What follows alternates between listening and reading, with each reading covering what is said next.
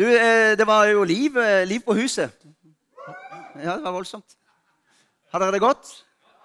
Er det greit å være her? Så bra. Du vet, Hvis du lurer på hva er all denne gleden, hvorfor klapper de, og hvorfor ler de så lett? Herrens glede, vet du. Når Guds folk kommer sammen, og Gud kommer og er blant oss, ja, så kan han komme, og det kan bli veldig alvorlig når han taler til våre hjerter. Men det er klart at det blir masse glede. Skulle bare mangle. Det er Gud, det. Den hellige ånd. Jeg fikk svigermor på øret. Det er ingen spøk. Eh, så da eh, tar jeg meg det minuttet som jeg ikke har tid til. Nei da. Hva står det for noe? Dagskonferanse 30. mars 2019. Det er møter med Miriam, med Elin. Vel, kanskje det viktigste det er lunsj mellom møtene. Eh, men det er, et, det er kjempearbeid. Utrolig viktig arbeid.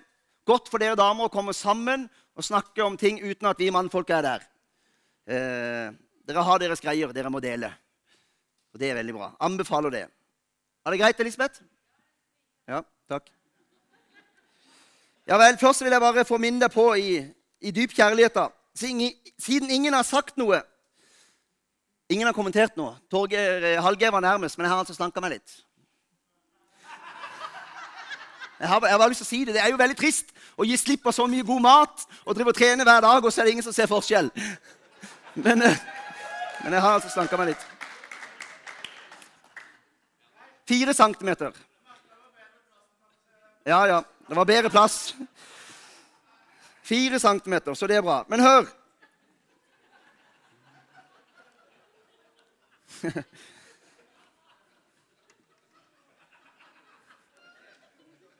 Du må bli hjemme neste gang, eh, Tor Aslak.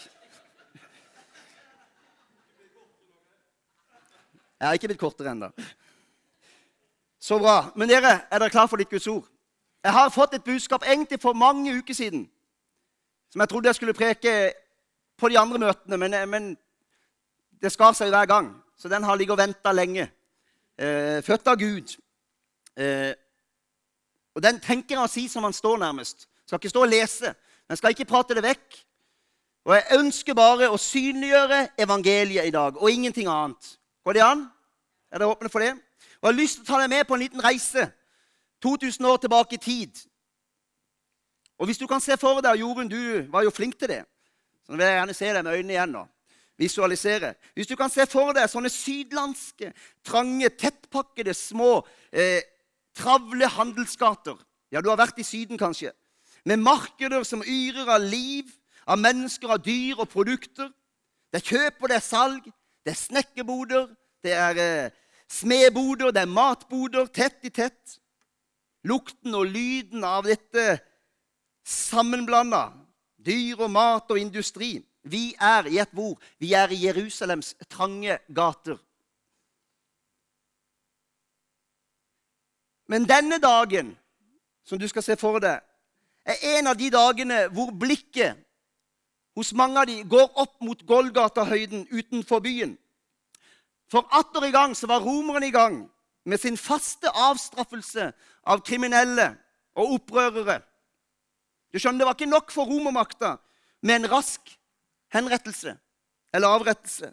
Nei, opprørets pris den skulle virkelig demonstreres til frykt og til avskrekkelse. Og hør, Derfor var nettopp korsdøden Den var nøye uttenkt og konstruert som en av de verst tenkelige måter å dø en langsom død på. Visste du det?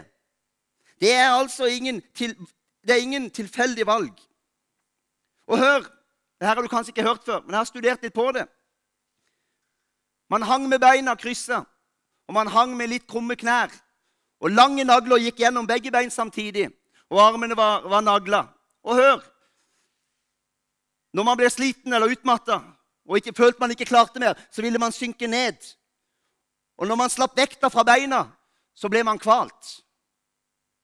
Og det som skjedde da, Den naturlige refleksen i mennesket det var eh, Pusterefleksen den gjorde at man atter en gang klarte å stramme. På tross av ulidelige smerter så klarte man å få stramma seg opp så man fikk trukket pusten. Og sånn holdt romerne det gående med mennesker. I timer og i døgn. Det var nøye uttenkt for at pinselen skulle bli verst mulig. Og så var dette akkurat en sånn en dag hvor igjen de undertrykte av romermakten går der i Jerusalems gater og får en påminnelse om romernes tyranni og dominans. Og midt mellom all handel og kjøp og salg og hverdagsliv så går de nå og tenker, mange av de tror jeg, vil vi noen gang bli fri? Jeg tror at akkurat denne dagen var en spesiell dag, med litt ekstra oppmerksomhet. Hvorfor det? Fordi denne Jesus han hadde de fått med seg. De hadde hørt om denne Jesus, kanskje hørt ham, sett ham. Det var han som hadde utmerka seg ved å kjempe de undertryktes sak. Det var han som hadde talt overklassen og de skriftlærde rett imot. Veldig frimodig, som ingen andre turte. Det var han som hadde vært opptatt av folket og vært overstrømmende i sin kjærlighet. Han hadde gjort seg bemerka.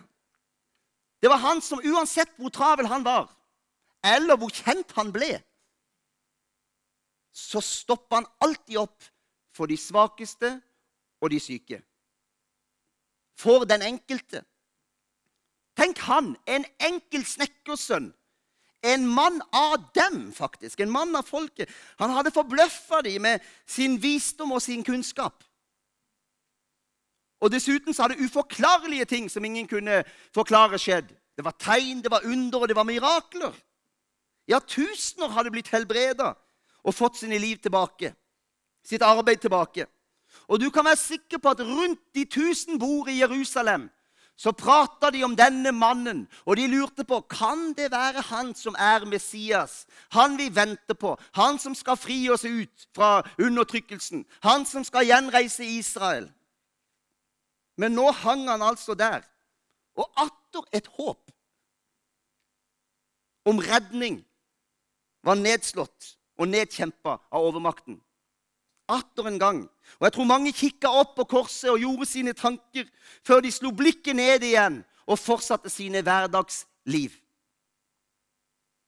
Og livet gikk sin gang igjen i Jerusalems gater. Hva ser du når du kikker på korset? Hva ser du når du kikker på korset? Du vet, Noen sier det er det mange som har dødd, og stadig dør for en god sak. Og det stemmer jo. Ja, også på de mest grusomme måter har folk dødd for gode saker. Det finnes mennesker som gir sitt liv for sin familie. Det fantes jøder i konsentrasjonsleirer som frivillig tok plassen i køen til andre som sto og venta på å bli drept. Ja, det er jo beundringsverdig. Det er sterkt, og det er forbilledlig. Men hør, følg godt med nå. Tror man at Jesus døde bare for en sak eller en viss lære, så er han intet mer, altså ikke noe mer, enn mange av de i denne verden som har gitt sitt liv for urettferdighet og for sin overbevisning. Hørte du hva jeg sa der? Da er han ikke mer enn de andre. Men han er det. Men mange led jo samme død, tenker du kanskje, på korset. Hvorfor var det verre for han enn for andre? Hvorfor led han mer? Han led over alle grenser. Han led som ingen andre mennesker i historien har lidd. Og jeg skal forklare deg hvorfor. Jesaja 53. Hvem trodde budskapet vi fikk? Han var foraktet, forlatt av mennesker, en mann av smerte, kjent med sykdom. En de skjuler ansiktet for. Han var foraktet, vi regnet ham ikke for noe. Sannelig, våre sykdommer tok han. Våre smerter bar han. Vi tenkte han er rammet, slått av Gud og plaget. Men han ble, si sammen med såret for våre lovbrudd, står det her. Knust for våre synder. Straffen lå på ham. Vi fikk fred. Ved hans sår ble vi helbredet. Jeg har så lyst til at du skal se det og skjønne det. Og mange av dere har sett det, men vi kan se det på ny og på ny. All verdens ondskap, all verdens synd og skam, all verdens smerte og sykdom, skrekk og gru. Vi er vant til å høre at det ble lagt på ham. Men det kom inn i ham. Han ble gjort til en forbannelse. Han som var totalt uskyldig og ren. Han som bare var god. Og det er derfor han blir overraska. Han blir rett og slett overraska, tror jeg. Og han roper ut, 'Min Gud, min Gud, hvorfor har du forlatt meg?' Plutselig så var han i mørket for at vi skulle få komme ut i lyset. Der kan du si amen. Hør, det var ikke okkupasjonsmakten. Og det var ikke naglene som holdt eller bandt ham til det korset der. Han kunne stege ned når han ville. Han kunne tilkalt hele eh, englene, alle englene, millioner. Han kunne demonstrert sin makt og sin majoritet, men nei. Han ble på korset. Hør, det var ikke naglene som bandt han til korset. Det var faktisk hans kjærlighet til deg. Det er hans kjærlighet til deg. Ja, men jeg var jo ikke født engang, tenker du. Nei, det stemmer, det. Riktig er du gammel, Oline, men så gammel er du ikke.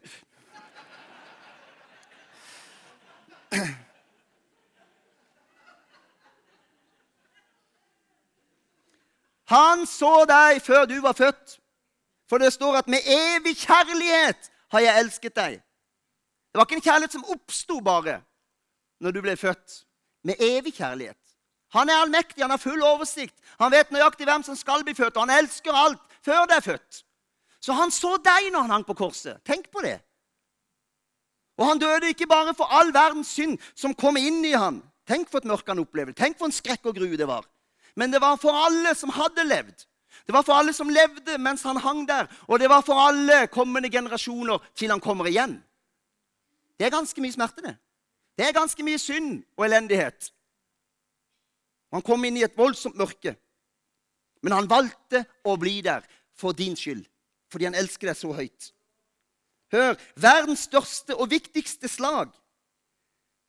Det utkjempa seg på Golgata-høyden. Uvitende for alt folk i de trange gater i Jerusalem. De forsto ikke hva som skjedde. Han hang der i I menneskets øyne så hang han der som både overvunnet og svak.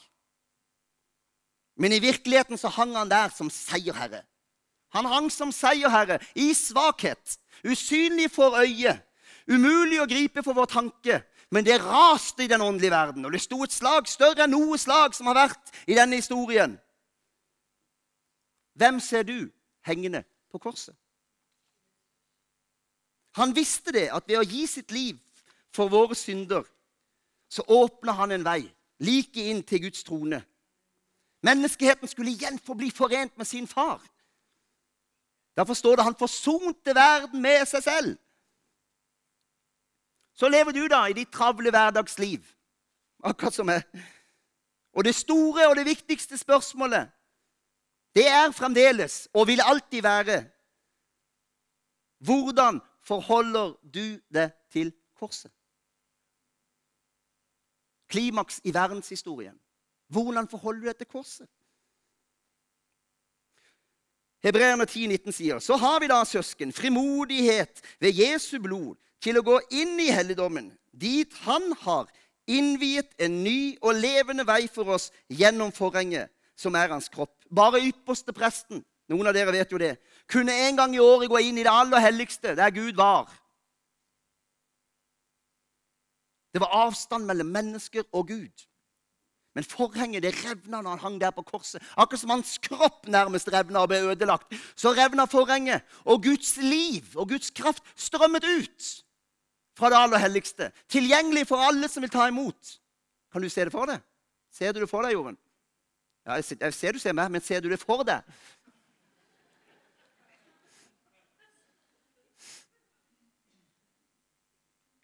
Og mens alt dette skjedde, dette mirakuløse slaget Mens det utspant seg, så gikk folket i Jerusalems gater og kanskje var skuffa. For de så ikke hvem han var. Han kom ikke for å befri nasjonen politisk. Han kom for å befri hver enkelt en av oss. Han kom, han kom for å gjenføde oss. Tenk på det, jeg er født to ganger. Han kom for å gjenføde alle som tror og tar imot denne gaven. To ganger er jeg født. En gang av min mor. Det skjønner selv du. Eh. Og så er jeg født en gang til av min far i himmelen. Gjenfødt. Hva ser du når du kikker på korset? Ser du det som Jerusalems folk ikke så? Din forløser, din redningsmann, din frelser og din venn? Jeg ser iallfall det. Det ser jeg. De vet du, de så en utslitt, utslått og overvunnet, kanskje godt menneske, urettferdig avretta av en overmakt. Men hør, han var mer enn bare god. Han var mer enn en idealist. Han var mer enn et forbilde for oss. Han var mer enn en som bare kjempa for de svake. Han var Guds sønn sjøl, gitt som offer for vår rednings skyld. Og det er det jeg ønsker vi skal se, hver og en i dette rommet. Vi skal se hvem han er der han henger. Vi skal skjønne hva han gjorde. Vi skal skjønne det slaget som raste. Vi skal skjønne hvilken kjærlighet som renner ut av dette korset, inn i hver enkelts liv. Trenger du ham? Jeg trenger han. Far til en kamerat av meg han fikk den ære å få være i audiens hos det var vel kong Haakon. Det var nok ikke Olav. For en del år siden. Han kjørte fra Farsund til Os. Sa jeg feil nå? Jeg gjør alltid det. Jeg blander de to der. Han kjørte fra Farsund til Oslo. Det var full dress. Det var venting, og det var forberedelser sammen med teamet til kongen, for de måtte stå korrekt, og de måtte lære å hilse korrekt på kongen. Det er veldig viktig. Og så var det en seremoni der hvor han pluss en del andre fikk motta sånn fortjenestesmedalje for lang og tro og god innsats. Og det er klart, det opplevde jo han. Stort og ærefullt. Det ville vi alle gjort. Og det var jo lett å merke på mannen i ettertid at han opplevde det stort og ærefullt. Etter et år måtte vi spørre kan vi snakke om noe annet nå. Det var ikke så galt. Jeg tøyser. Men hør, jeg har lyst til at du skal se det her. Om du fikk komme i audiens hos kongen av Norge, så ville ikke du forvente mer enn toppen en halvtime og en liten seremoni. Du vet, Viktige folk må ikke forstyrres for lenge av gangen av oss dødelige, holdt jeg på å si. Hva ville du ha sagt? Hva ville du ha følt hvis du gikk og la deg den kvelden, og så viste det seg at kongen hadde bare invitert deg personlig? Og så fikk du bruke hele dagen sammen med han, og dere spiste, og dere lo, og dere prata. Og attpåtil så sa han, 'Alt mitt er ditt', sa han. 'Du er velkommen døgnet rundt.' Og jeg vil alltid ha tid for det, uansett du ville vært slått over ende, både av undring og av stolthet. Du ville ha følt deg så privilegert. Vet du hva? Jeg føler meg ytterst privilegert fordi at jeg får leve sammen med kongenes konge. Jørn Strand synger 'Er det rart at jeg er glad?' synger han. Og Da sier jeg 'Er det rart at, at jeg føler meg privilegert. Er det rart at jeg er stolt over å få kjenne Gud på den måten? Er det noe jeg har fått til? Nei, langt derifra. Det finnes ingen som han. Til avslutning, hør, Herren har tatt meg imot. Ikke bare for en kort audiens eller de sekundene, de sekundene det måtte ta for han å gi meg synsforlatelse før han vendte seg bort til noe annet. Nei, det er ikke sånn det er. Men mange tenker det er sånn. Han liker meg så godt. Så heldig du er, da, tenker du. Skal jeg si deg noe bra? Han liker deg akkurat like godt. Han liker ikke meg bedre enn det. Tro det eller ei. Han...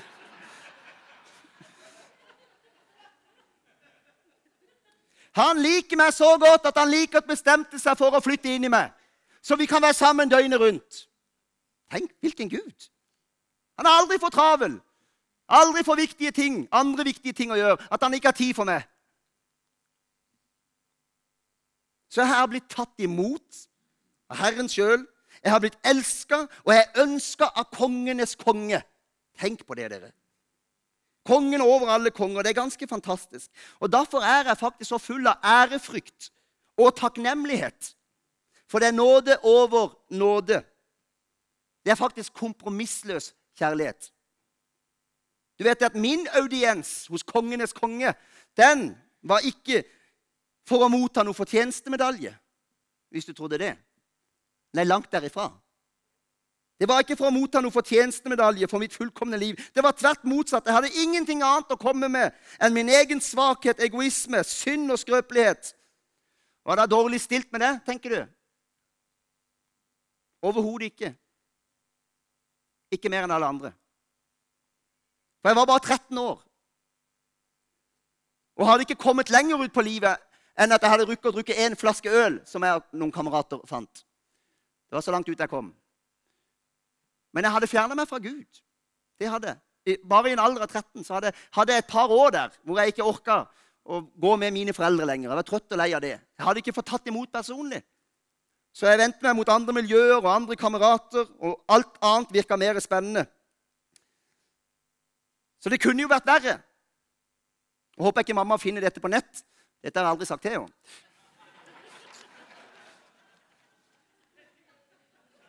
Men hør!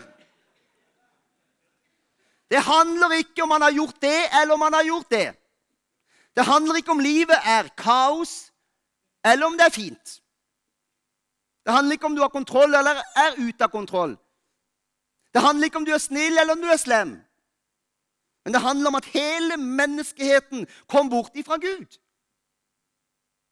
Og en grunnskade kom inn i menneskene som ingen av oss kunne frelse oss sjøl ifra. Det var et brudd.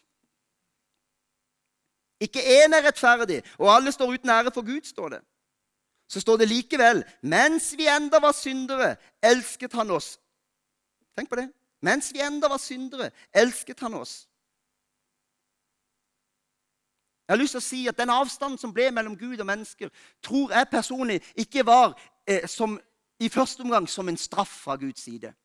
Nei, det var ikke noe han ønska. Han lengta etter alle de han hadde mista.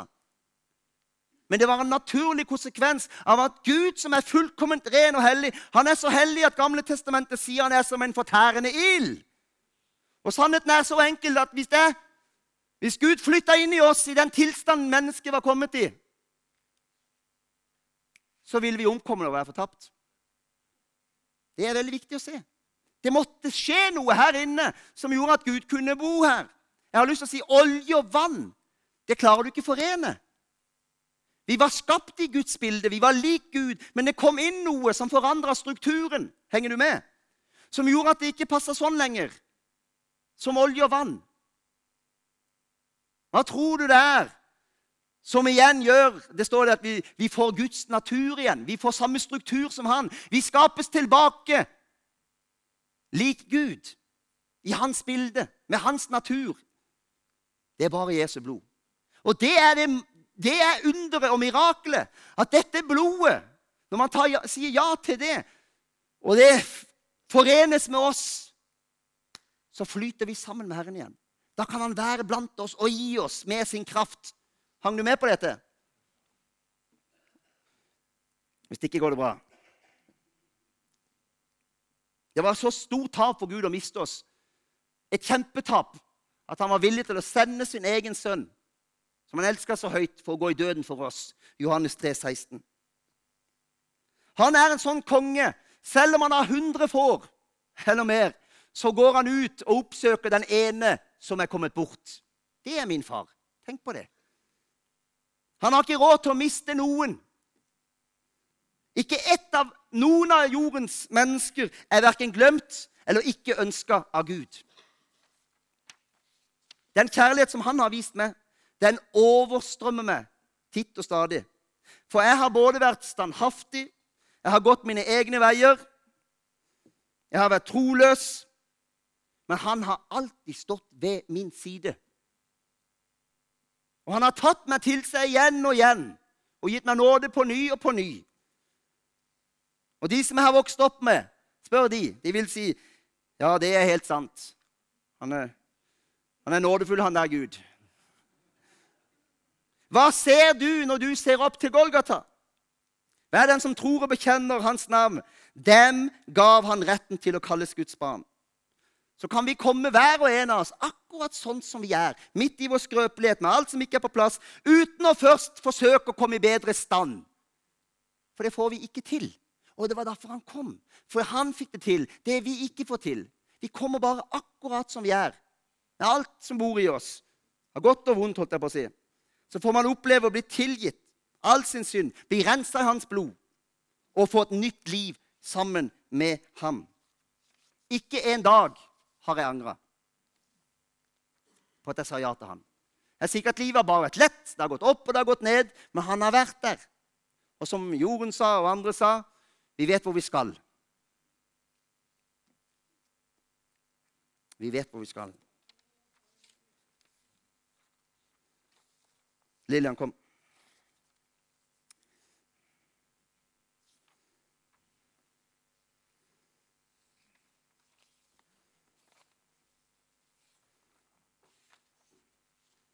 Han er eneste vei til liv med Gud.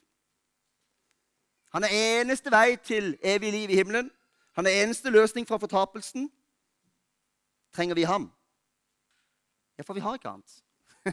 vi har ikke alt alternativ. Og så er det et veldig godt alternativ. Ikke sant, Ole Gustav? Amen. Nå skal vi lovsynge Herren litt. Og så åpner vi opp som vi alltid gjør i så godt som alle møter, for forbønn. Det er ikke mystisk eller farlig eller skummelt. Det er en håndspåleggelse. Det er mye kjærlighet og omsorg i å legge hendene på hverandre. Og så er det en bibelsk ting å gjøre. Og så tror vi på det. Så vi åpner opp for alle som kjenner det at de trenger forbønn. Om dere er syke, nedbrutte, trenger litt mer kraft, trenger å overgi det på ny. Om du er her som ikke har tatt valget om å ta imot Jesus. Det er det enkleste i verden, det. Du trenger ikke gjøre noe annet enn å si ja. Så gjør han resten. Tenk så enkelt. så er dere velkommen alle sammen.